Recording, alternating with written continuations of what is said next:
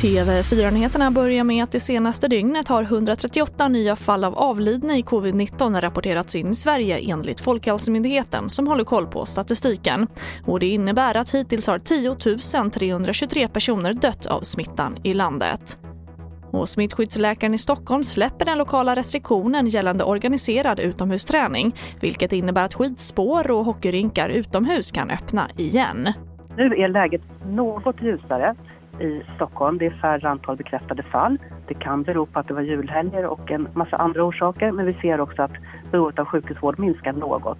Det är fortfarande ett oerhört allvarligt läge i Region Stockholm men det är också allvarligt att inte ha utomhusträning igång och därför ser vi att vi ändå har möjlighet att öppna upp det här nu en vecka tidigare än vi hade tänkt oss.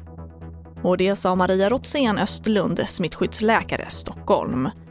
Och två män från Nederländerna åtalas misstänkta för synnerligen grov narkotikasmuggling efter att de försökt smuggla in kokain värt 67 miljoner kronor i Sverige.